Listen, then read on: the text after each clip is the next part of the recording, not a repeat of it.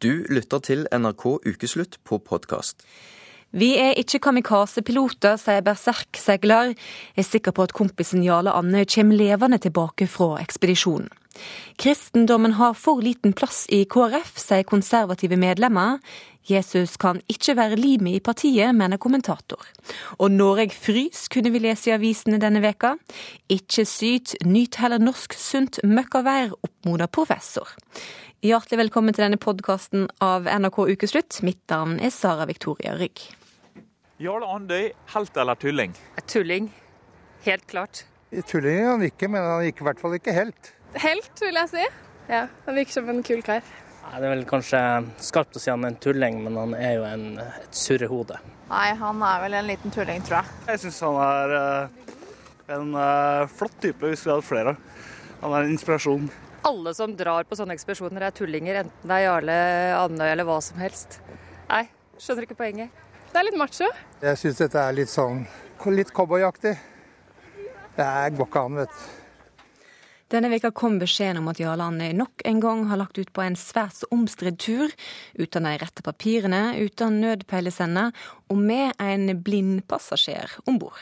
Målet er å lete etter årsaker til berserkforliset i fjor, som kosta tre unge, unge, menn livet. Fredrik Juel, du er kompisen til Jarle Andøy og en del av berserkmannskapet. Du har sjøl vært med på flere strabasiøse seilas. Du visste lenge at Andøy skulle ut og reise. Hvordan fortalte han det til deg? Nei, han øh, Han øh, har sagt hele tiden, egentlig, fra han kom hjem øh, Fra vi henta han på Gardermoen, så har han Så har han sagt at jeg skal tilbake igjen. Og jeg skal ned og finne ut hva som skjedde. For det er jo en uro han har i seg. For vi vet jo ikke hva som har skjedd. Det er ingen som vet noen ting. Så det blir bare masse sofasynsing. Og da er det vel egentlig det eneste riktige er å dra ned for å prøve i det minste å finne ut hva som har skjedd, selv om det kanskje er en umulig oppgave. Men uh... Mange mener det er veldig farlig. Var det noen av kompisene som prøvde å stoppe han? Nei. Nei, nei, langt derifra. Uh... Nei, som sagt, uh, det er noe han måtte gjøre. Og, og, det var vel noe av de første tankene jeg tenkte òg når vi trodde at Jarle var borte også, før vi skjønte at han levde. Så var det jo, gikk jo tankene vi må ned dit for å finne ut hva som har skjedd. Dette er jo dette er ikke riktig. Mm. Jon Gangdal, du er forfatter og ekspedisjonsleder. Du har mellom annet eh, deltatt på fire klatreekspedisjoner til det verdens høyeste fjell, Mount Everest. Du forstår hvorfor Jarl Andøy legger ut på denne turen her. Hvorfor det? Ja, jeg skjønner jo det følelsesmessige grunnlaget.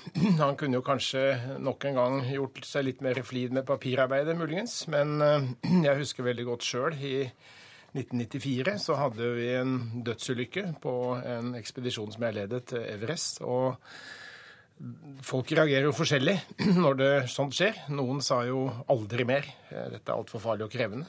Så var det noen som sa at jo, vi skal nok, eller kanskje prøve igjen. De er vel ennå ikke kommet av gårde. Mens jeg som leder hadde bare etter hvert ett ønske, og det var rett og slett å prøve igjen. Jeg fant at eh, det som jo var en sånn alminnelig følelse av ansvar, som man jo selvfølgelig har som ekspedisjonsleder, det stakk jo egentlig mye dypere. Det var altså ren og skjær skyldfølelse. Og da fant jeg etter hvert ut at det var bare én medisin mot det. Og eh, både sorg, skuffelse og skyldfølelse, og det var rett og slett å prøve igjen. Nå var jo vi i den heldige situasjonen at vi eh, veldig fort fikk svaret på hva som hadde skjedd. Vi fant jo den omkomne etter bare en time. Men for Jarle Andøy, som jo da fortsatt lever med altså så mange ubesvarte spørsmål, eh, kombinert med både sorgen og skyldfølelsen, så skjønner jeg at han eh, ikke kan gjøre noe særlig annet enn det han gjør. Men igjen så kunne han jo kanskje fått altså Polarinstituttet og alle disse papirtigerne med på laget. Men blir du kvitt skyldfølelsen av å ta en tur opp på Mount Everest?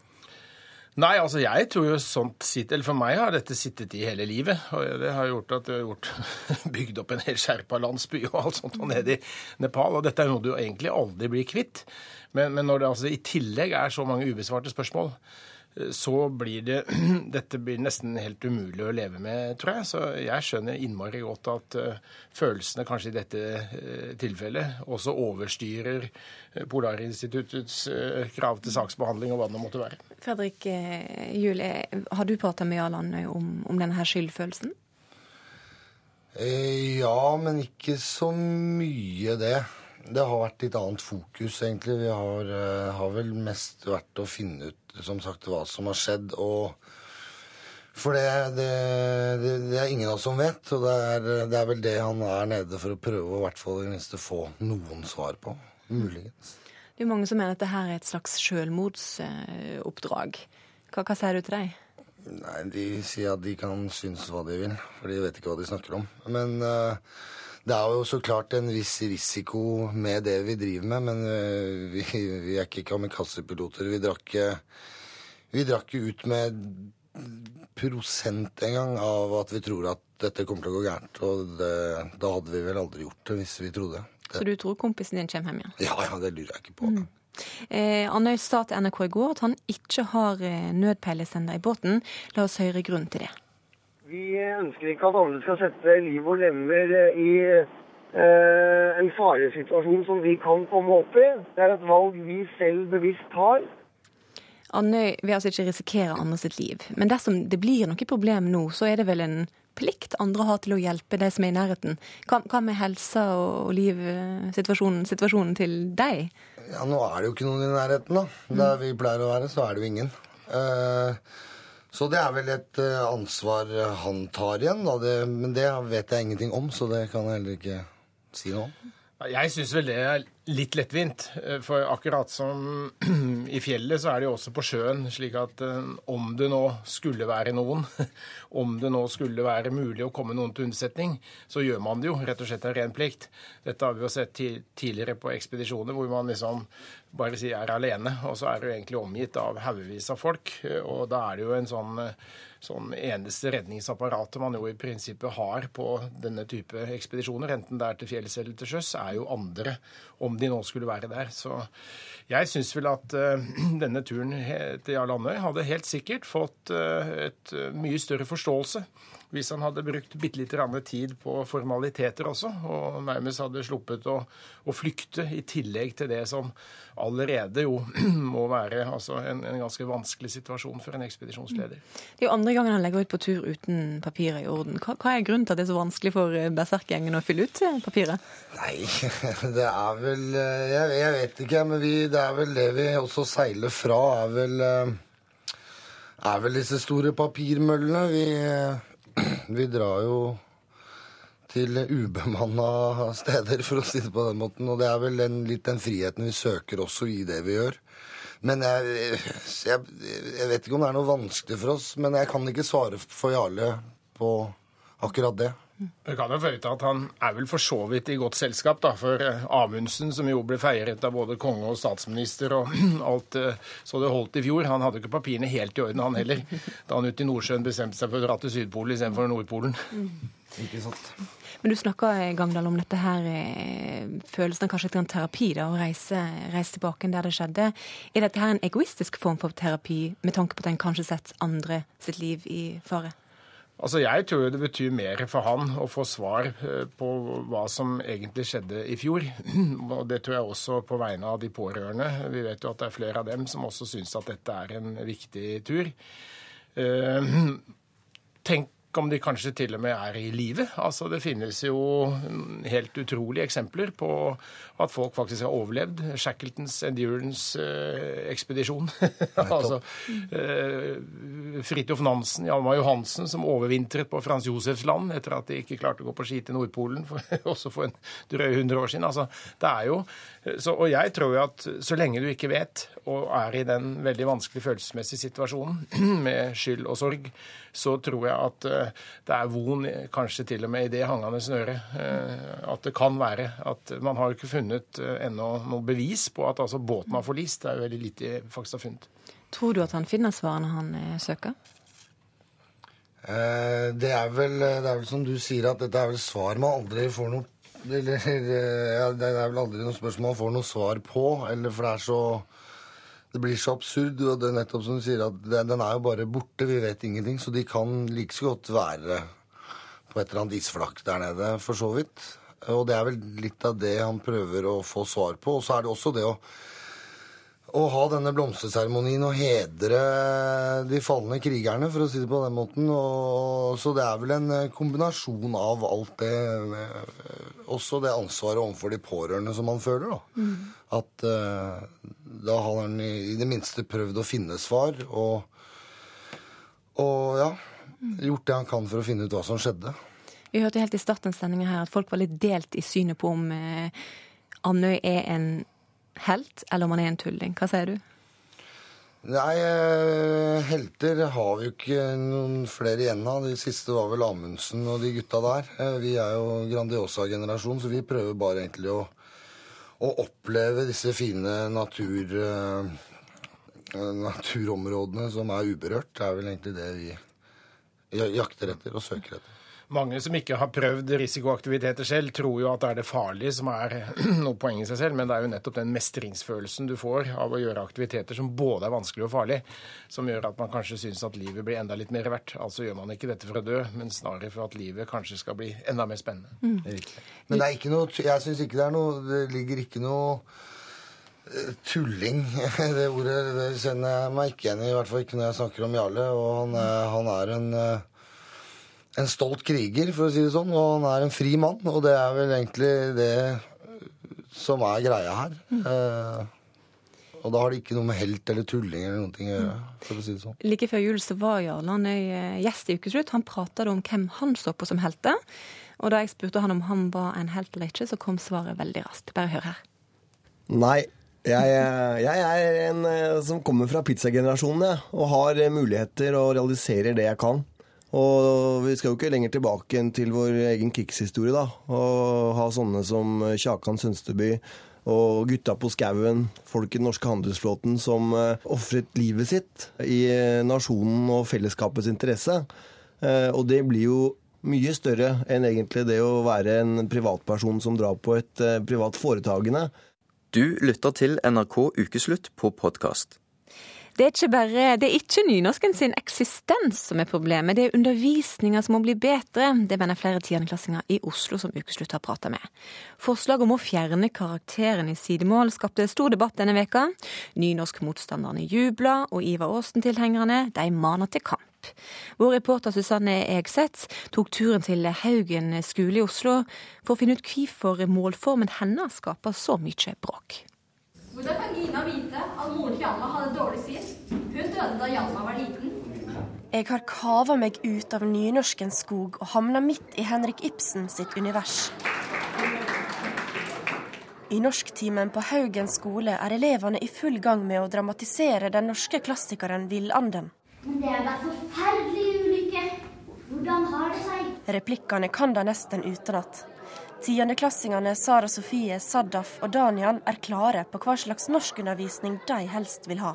Jeg vet at folk liker når vi gjør noe praktisk, og ikke bare sitter på stolen og ser på tavla. Hvordan reagerer klassen når lærerne sier at nå skal vi ha sidemålsundervisning? Det er ikke noe jubel eh, i klassen akkurat. Det er på en måte De fleste bare sitter der. Det er ikke alle som gjør noe heller. Lærerne prøver å være optimistiske, men eh, elevene altså, de lar seg ikke påvirke av det.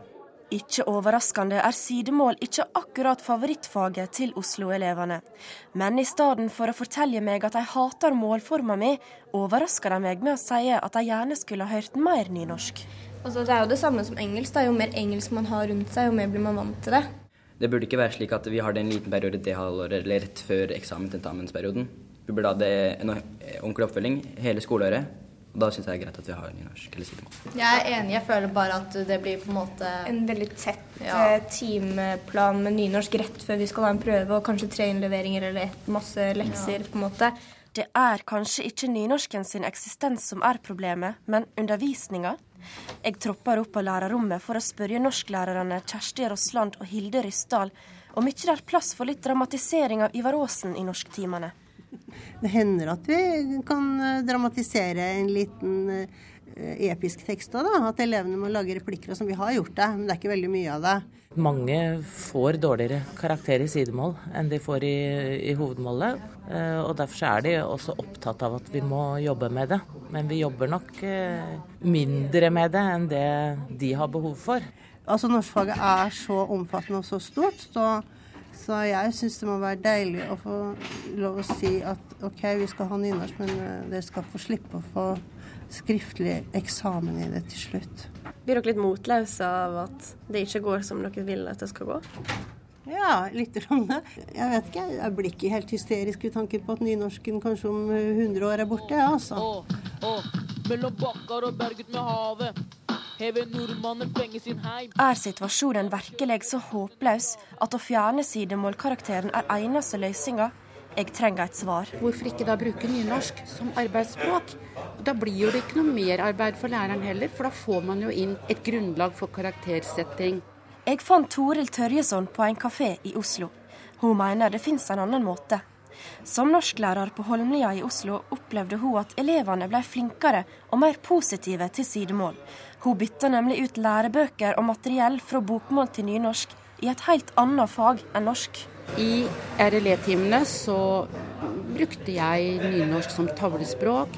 Elevene fikk oppgave av meg på nynorsk. De møtte nynorsk språk selvfølgelig i læreboka. Og det utvikla seg en veldig positiv og åpen dialog i klassen eh, når det gjaldt språk. Jeg husker at Toril var en veldig engasjert lærer. Eh, hun brant for, eller brenner for nynorsk.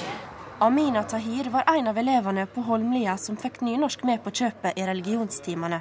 I dag er det rundt 20 skoler i landet som har lignende prosjekt i regi av Nynorsksenteret. Eh, overraskende nok fungerte det ganske bra. Det var veldig nyttig å tilegne seg et fag uten å være klar over at man faktisk satt og leste til det.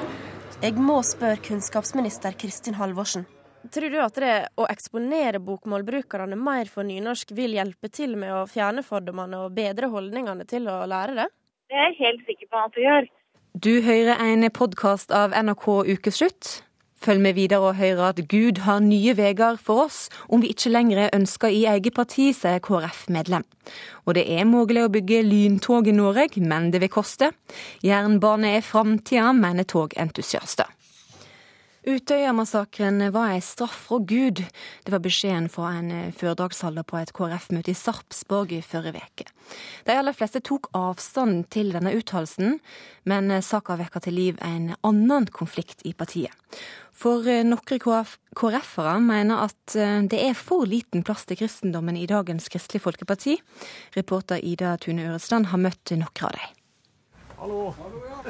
Nei, men da, da tar vel vi en tur inn i stua. Skal jeg bare hive av meg hverdagsklær, så kommer jeg opp der. Du er jo kjent, du. Så du kan, ja, gjør det som naturlig. Bøndene Annar Hasle og Ståle Solberg holder sammen i troen på Jesus og i troen på et kristelig folkeparti. Hamar og jeg henger mye sammen, da. Sak etter sak, så vi diskuterer oss frem til ulike standpunkter. På et møte i Sarpsborg Kristelig Folkeparti forrige uke ble det fra talerstolen hevdet at massakren på Utøya kan skyldes at Gud har reagert over norsk politikk overfor Israel. Vi tar avstand ifra å blande Gud inn som en straffer for det som skjedde på Utøya. I forlengelse av saken har det også kommet til syne en dyptliggende motsetning i partiet. Er Kristelig Folkeparti nå blitt mer folkelig enn kristelig? Jeg er litt redd for det. Og derfor så står vi kanskje i Sarpsborg for en litt annen profil enn Landspartiet. Og det er jo litt betenkelig. Skal vi se om vi koker litt av kaffe her. Ståle synes det er trist å høre at de etterlatte og ofra etter Utøya er såret. Mennesker som har vært i en, i en så dyp krise og sorg, opplever da, uansett om vi aldri har ment det sånn, så opplever de det sånn at dette har at de er tråkka på av, av, vårt parti, det, det, det er jeg veldig lei meg for. Og da, da, vet jeg det er mange som både gråter og ber over den saken i vår leir. Men selv om han tar avstand fra utspillet, frykter han at saken kan bli brukt mot den konservative delen av KrF. Jeg føler litt sånn, da. At det blir liksom skjøvet litt fort litt langt ut. Uh, og det kjenner jeg meg ikke igjen i. Uh, uh, opplever nok at denne saken som har vært oppe nå også, liksom i hvert fall kan, kan, brukes til det. da, Å tegne et bilde av oss som helt Jeg vet ikke hva jeg skal si. Ekstreme? Ja, ekstreme, kan jeg godt si. hvis det er sånn at eh, noen ikke føler seg hjemme i det Kristelig Folkeparti som har vært, så, så syns jeg de får heller enten finne ut hvem retning de vil gå, men at vi får lov til å beholde partiets identitet som den er i dag. Fra sofakroken i Sarpsborg forteller Annar at han er redd for at partiledelsen ønsker han ut av partiet. Egentlig så, så, kan en jo gå og være litt engstelig for at vi skal fases ut. Og hvem skal da eh, bringe fram disse eh, kristne ideologiske tankene? Så, så du kan si bestandig frykt, men jeg òg er veldig trygg på han far i himmelen, ja, at han kommer til å ta hånd om dette her. Det som er problemet, er at mange ser på det som et kristent fellesskap. ikke sant? Eh, der det nesten blir en slags sånn misjonstanke. At du da skal være med å påvirke dette kristne fellesskapet i riktig retning. Men det er ikke eh, det. Det er et politisk parti. Det er i hvert fall det det skal være og søke å være. Det sier kommentator Åshild Mathisen fra et kafébord i Oslo sentrum. Hun har lang fartstid i partiet og kjenner det godt. Hvis man skal ha et parti som baserer seg på kristne verdier, så må man tydeliggjøre veldig hva det er. Fordi det å tro på Gud i dag, det, måte, det kan du gjerne være svært radikal eller svært konservativ eller veldig reaksjonær å gjøre. Så Jesus kan ikke være limet i KrF? Jesus kan ikke være limet i KrF. Tror du KrF-ledelsen egentlig vil kvitte seg med den eh, typen medlemmer som de i Sarpsborg? Jeg tror de ser på det som et problem, ja.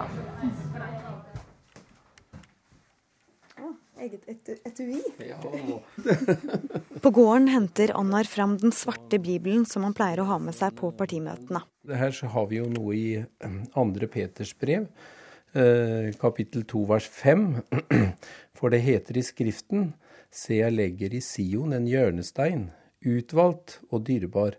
Den som tror på Han, skal ikke bli til skamme. Og da, når det snakkes om denne hjørnestein i Sion, så er jo det Jesus. Og det kan jo være en god innledning på et eh, KrF-møte. Og vi syns det er veldig godt å kunne ha det som en åpning eller en avslutning. Eh, det som har vært styrken med Kristelig Folkeparti, det er bestandig at limet som gjelder de kristne verdiene, har bestandig vært sterkt nok til å holde oss godt samla. Men i dag så, så, er det en åpenbar kamp som vi burde ta mer på alvor. Og, og vi representerer jo også kanskje en atskillig større eh, velgerpotensial enn det sentrale ledelsen er klar over. Jeg valgte å ikke være med i KrF lenger fordi eh, jeg opplevde at en sakte, men sikkert eh, tar små steg bort fra det som var utgangspunktet for KrF nemlig å stå fast ved de kristne verdiene. Margit Hunemo satt i kommunestyret for KrF i Time i Rogaland i 16 år. Nå er det Oslo, øh, om jeg kan få lov å være så firkantet å si det, da, men, men partiledelsen og sentrale krefter som, som kommer ut og så forteller hva lokallagene og medlemmene skal mene. Så lenge kristne ikke våger å ta konsekvenser av det de står for innenfor kirke og bedehus og ta det med seg ut i hverdagslivet og i samfunnslivet, så vil det òg føre til at KrF, sammen med en del annet fellesskap i kirke og bedehus, vil dø en langsom død. Ære være Gud i det høyeste.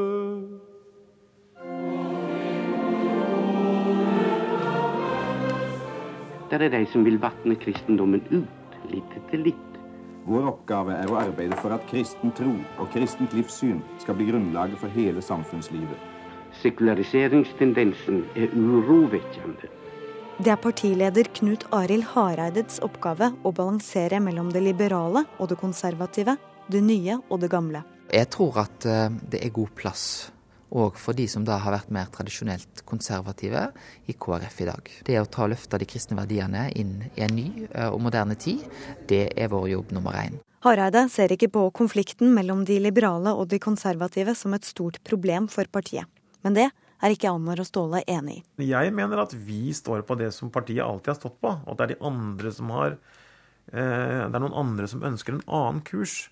Jeg er jo en enkel bonde og vant til Vartei, som egentlig er opptatt av Gud i naturen og Gud eh, i det meste. Og han har helt sikkert eh, nye veier for oss hvis vi eh, ikke lenger er ønska i vårt e-, eget parti. Da. Men jeg velger å kjempe til det eventuelt motsatte er bevisst. Regjeringas klimamelding ble i går utsatt for fjerde gang, og debatten om menneskeskapte klimaendringer raser i takt med tabloidavisen sine framsider om ekstremvær. Men selv om vi nordmenn er over gjennomsnittlig opptatt av vær, så er det flere som er lei av mediene sine dystre værspådommer. Sibirkulde og snøkaos kunne vi lese om i avisene denne veka. Reporter Liv Inger Zombie spurte folk i Kautokeino hva de mente om overskriftene. Eh, jeg vet ikke hva Sibirkulda er, men eh, jeg vet hva Kautokeino-kulda er. Det kan være ganske kaldt. Hva er ekstrem kulde eller ekstremvær for deg? Ja, Når det begynner å gå bortimot 50 kuldegrader, da er det ekstremt. Blir du værsyk? Nei da, det blir det ikke. så man, man, er jo født og oppvokst her, og man er vant med det været man har, så man vet jo ikke bedre, kanskje. Sutrer du noen gang? Er det sånn at det, uff, nå er det kaldt? ja, det hender det òg. Nei, jeg gjør ikke det. Jeg er vant med kulde og uvær og all slags vær. Når det er litt kaldt der sørpå, så, så er det ganske mye Ja, vi skriver om det. Og om det kommer litt snø og sånn, så det er kanskje litt værsykt der sørpå. Statsmeteorolog Jon Smits, du har kritisert tabloidene for å overdrive det dårlige været. Hva er det som er så galt? Er jo det at eh, de skal liksom ha alt slags vær, som egentlig er eh, ganske vanlig, til å bli veldig dramatisk og, og helt ekstremt. Eh, og når det gjelder været, så er det så fint at vi kan jo måle det og kvantifisere det. Og så kan vi plassere det et eller annet sted på skalaen hvor det er, om det er midt på eller i bånn eller på toppen eller sånn to tredjedel en tredjedel osv. Så, videre, så, så meteorologene vet omtrent sånn stort sett hvor ille været er, da, altså på en skala fra én til ti f.eks. Mens tabloidene vil gjerne at det meste skal være på ti. Men det blir jo veldig kjedelig overskrift å skrive 'helt normal temperatur i januar', f.eks. Blir kanskje litt kjedelig, men samtidig så er det jo viktig informasjon til folk å vite at temperaturen faktisk blir som, som normalt. eller som som gjennomsnittlig. Så det brukes jo veldig mange ja, mange ord som har dukket opp. da, Monsterregn, ja, sibirkulde, kuldebølge, kuldesjokk osv. Og, og ja, det høres jo ut som det er verdens undergang eh, i vente omtrent hver gang det blir et eller annet slags vær. Hva er faren med å bruke sånne type tabloide uttrykk? Altså For meteorologene så er det sånn at vi ønsker å holde kraftuttrykkene litt tilbake inntil vi virkelig har bruk for dem. Vi vil ikke blåse opp en frisk bris til å bli kuling, eller en kuling til å bli storm, eller en liten storm til å bli orkan. Selv ikke kastene engang. Fordi vi ønsker å å forbeholde orkan f.eks. til de ytterst få gangene vi har tenkt å varsle det, sånn som vi nesten gjorde under Dagmar, og som vi faktisk gjorde ordentlig under nyttårsorkanen i 1992, og da så vi hvordan det gikk da. Eli Hagen, du er glad i å ta deg en skal vi kalle det en hyttetur til eh, hytta i Spania, huset i Spania sammen med Carl. Hva, hva, hvor lysten blir du til å reise til Spania når det er virkelig iskaldt ute? Jeg må jo si det, når man har valgt å bo i Norge, så må man ta det været som er. Og jeg elsker snø og gå på ski og syns kulde er ja, det er noe man må ta med seg når man bor i Norge. Du kan fyre på peisen, og du må kose deg i det været som er. Og jeg syns det er greit. Det verste jeg vet, er når det er dårlige somrer. Altså, du går hele vinteren og tåler kulda, og du tåler vind, og du tåler snøen, og så kommer du til sommeren og så regner sommeren bort. Da er det deilig å reise til Spania. Men er ikke sommer dårlig sommervær en del av det norske klimaet Jo, det er jo det, men det er bare det at du forventer i hvert fall 14 dager, tre uker. Jeg tror norske nordmenn er fornøyd. Bare de får 14 dager med sol, så er de fornøyd. Å være, være liksom overraska over at det skal bli kaldt i januar, det syns jeg er å overdrive. Det er kaldt i Norge i januar. Og det snør i januar-februar i Norge. Og det må man være forberedt på, ikke ta det som et sjokk. Arnulf Kolstad, du er professor sosialpsykologi ved NTNU i Trondheim. Tabloidene får litt kritikk for å gjøre oss nordmenn kanskje litt værsjuke. Hvem mener du har skylda for at vi blir litt lei? Vi eh, snakker jo mye om været, og vi snakker om, mye om det dårlige været. Sånn at eh, det avisene gjør, er jo bare å speile det som folk er opptatt av. Og, og, vi er jo opptatt på en merkelig måte her i Norge at været burde vært helt annerledes enn det i virkeligheten er. Og vi føler vel at vi nærmest er litt mislykka hvis vi ikke ikke får eh, mye sol og mye varme. Og så må jeg jo si at jeg syns meteorologene også bidrar til å sortere været i godt og dårlig. Og bruker riktignok ikke kraftuttrykkene, men jeg hørte i dag i værmeldingen følgende I Australia er det Perth som får det beste været. Sol og over 40 grader. Altså, jeg mener Hvis man tror at det er godt vær hvis det er over 40 grader, da har man misforstått mye. Men, men, det er nærmest gått en sånn automatikk i det, at bare det er varmt, så er det godt. Mm. Og det, og det syns jeg er helt unødvendig. Man må finne helt andre adjektiver. Hvis det er vindstille og sol, så er det ganske kjedelig vær. Og det bør da meteorologene si. Og hvis det regner mye, så er det utfordrende vær og spennende vær. Ja, Vi har jo fått litt kjeft også fordi vi har forsøkt å bruke sånn type kjedelig vær, da, som jeg forsøkte med nå til Dagsrevy-redaksjonen, faktisk, rett før jeg gikk i studio her. Det er egentlig ganske kjedelig de neste tre dagene. Nei, jeg mente kjedelig vær er sol og vindstille. Ja, ja det er kjedelig. Det er men, men, det vil vi aldri bruke. Det vi bruker om sånt vær som vi har nå, eh, kjedelig overskya og sånn, men, men, det er å, å, å, nettopp fyre opp under denne forestillingen om at godt vær, det er bare sol og, og varme. Ja, nei, Det er, det er, jeg for så vidt enig i. Sånn at uh, det er jo også pent og varmt vær, kunne man jo sagt f.eks. om Australia og 40 grader. altså Pent vær det er jo lite skyer per definisjon, og, og varmt. Og noen syns jo 40 er for varmt, selvsagt, mm. mens andre syns det er sånn Uh, sånn greit. Men det er en utfordring for meteorologene der også å finne de riktige uttrykkene og de riktige graderingene. og vi, Dette sliter vi med hver dag, for vi skal jo uttale oss om været mange ganger hver eneste dag. Tabloidene de slipper unna med i hvert fall sånn en, eh, kanskje en fem-seks eh, forsider i løpet av måneden, mens vi må forholde oss til dette her mange ganger om dagen. Ja, Men vi nordmenn må jo ha noe å snakke om når vi møtes. Vi må jo kunne si at i dag er det fint vær, i dag er det sol, i dag er det veldig bra turvær. Altså, Hva skal vi snakke om da, hvis vi ikke skal snakke om været? Så Det er greit å snakke om været, men det er bare disse her voldsomme overskriftene som skremmer folk, de liker ikke jeg. Hvorfor er været så ekstremt viktig for nordmenn å snakke om? Fordi det er lett å snakke om det. Du trenger ikke kunnskaper engang. Du trenger egentlig ikke bare å åpne munnen og si hva du opplever av vær, og så er vi ferdig med det. Og så kan de stort sett være enige. Vi slipper liksom å ta de helt store diskusjonene. For for mange, muligens for Eli Hagen, så er det deilig å forholde seg til andre mennesker på den måten. I hvert fall av og til. Ja. Og det kan jeg forstå, og det kan jeg være litt enig med. Ellers så har jeg et tips til deg, Eli Hagen. Ja. Hvis du ikke liker regn om sommeren, så skal du begynne å dyrke sukkererter. Fordi er det noe sukkererter trenger, så er det mye regn. Så jo, da vil du skjønner, jeg er så heldig at jeg har et sted i Spania. Så når vi har vært på hytta en stund og venta på sommeren i eh, Sandefjord, så reiser vi til eh, Spania. Ja, Men for alle som skal være i Norge om sommeren, ja. og som er plaga av at det regner for mye, dyrk sukkererter og gled deg hver eneste dag det regner. Ja, og så spis, spis sukkererter istedenfor å spise sånne, sånne uh, antidepressiva. Nå har jeg fått et godt råd som jeg skal gi videre til uh, folk neste sommer hvis det blir mye regn. Det er det med de sukkerertene. Jeg takker, jeg takker veldig for det. For det, altså, det er mange, veldig mange frustrerte folk som ringer til meteorologene til Meteorologisk institutt. Hvor skal jeg reise nå for å få sol? Nå har jeg hatt tre uker med møkkavær. Jeg står her med campingvogna, griden til kone og skrikte unger. Én uke igjen. Jeg må ha sol. Hvor skal jeg reise? Eh, men det jeg lurer litt på, det er om nordmenn har litt sånn overdrevne forventninger til en gjennomsnittlig norsk sommer. Eli nevnte to-tre uker. Da er du fornøyd? Ja. Det, det, det, der ligger du egentlig akkurat på det du kan forvente kanskje i Norge. Mm. Sånn, kanskje ikke til og med så ofte som hvert år, men i hvert fall sånn innimellom.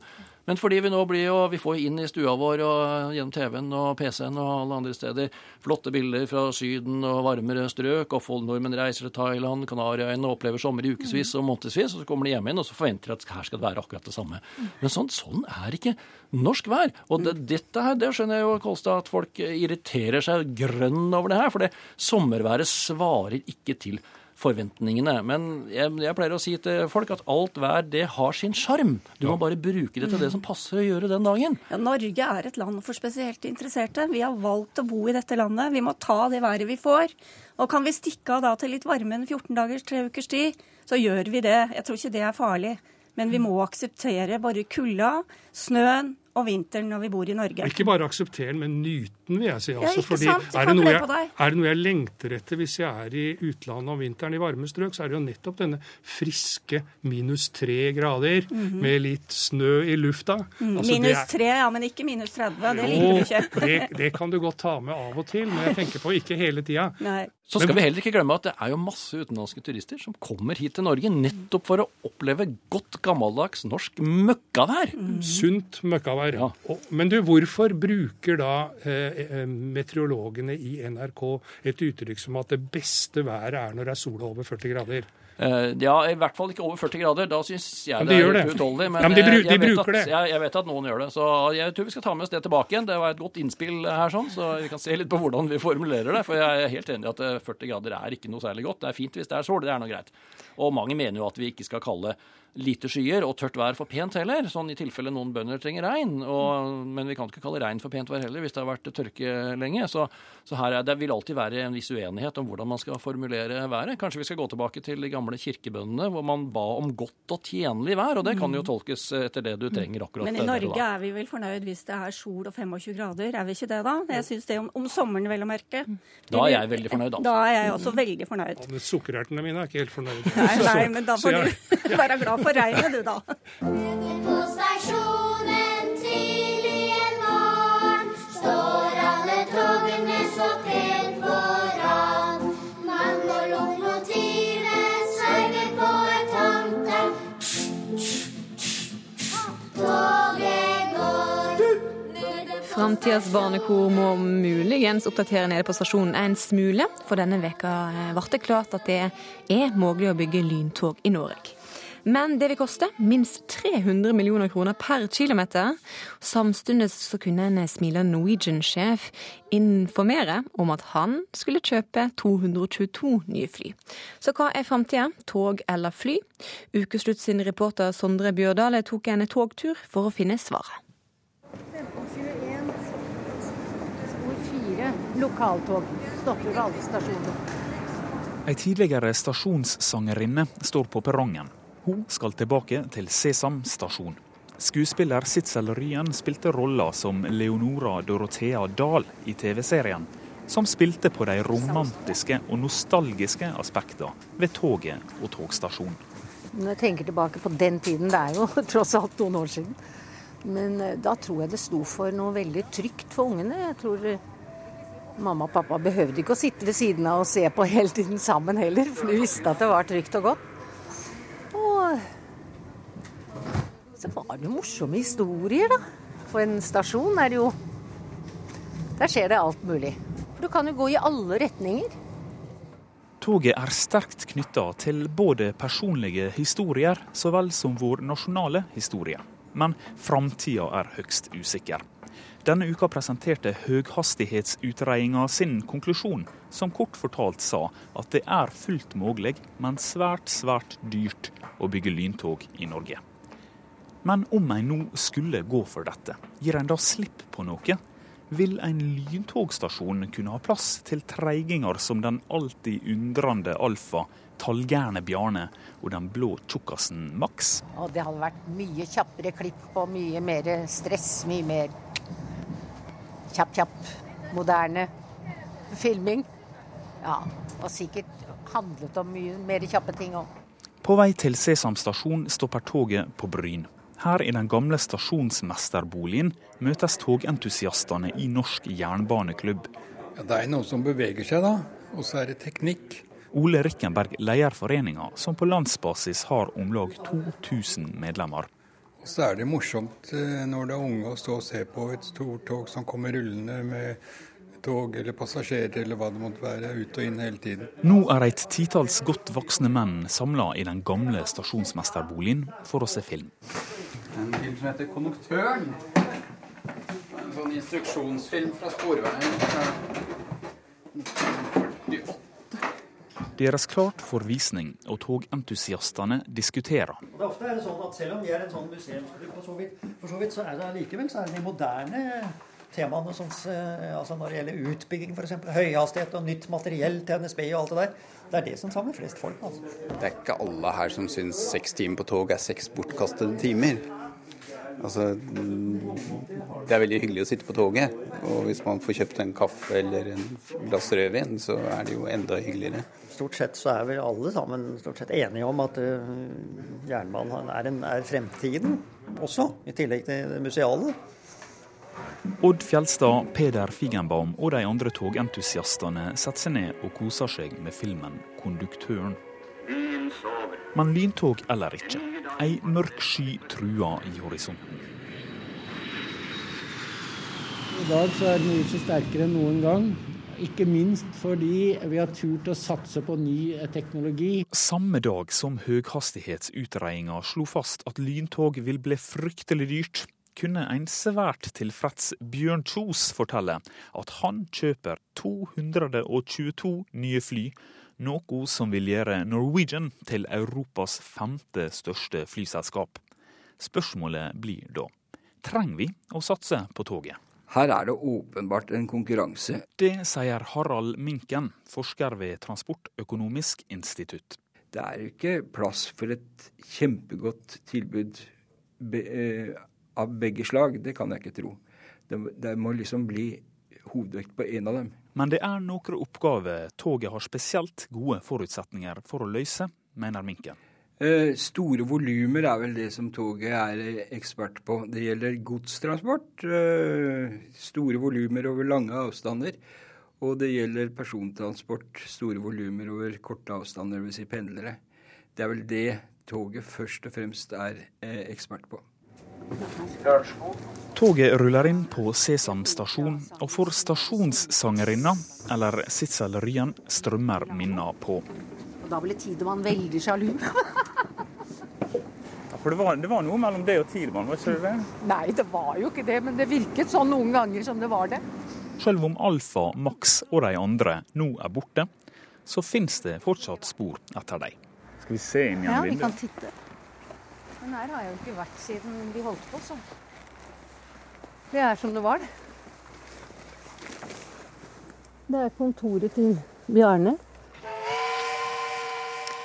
Ukeslutt er over for i dag. Ansvarlig for sendinga var Dario Kverme Birane. Arnt Egil Nordlien styrte teknikken, og jeg heter Sara Victoria Rygg. Du har lyttet til NRK Ukeslutt på podkast.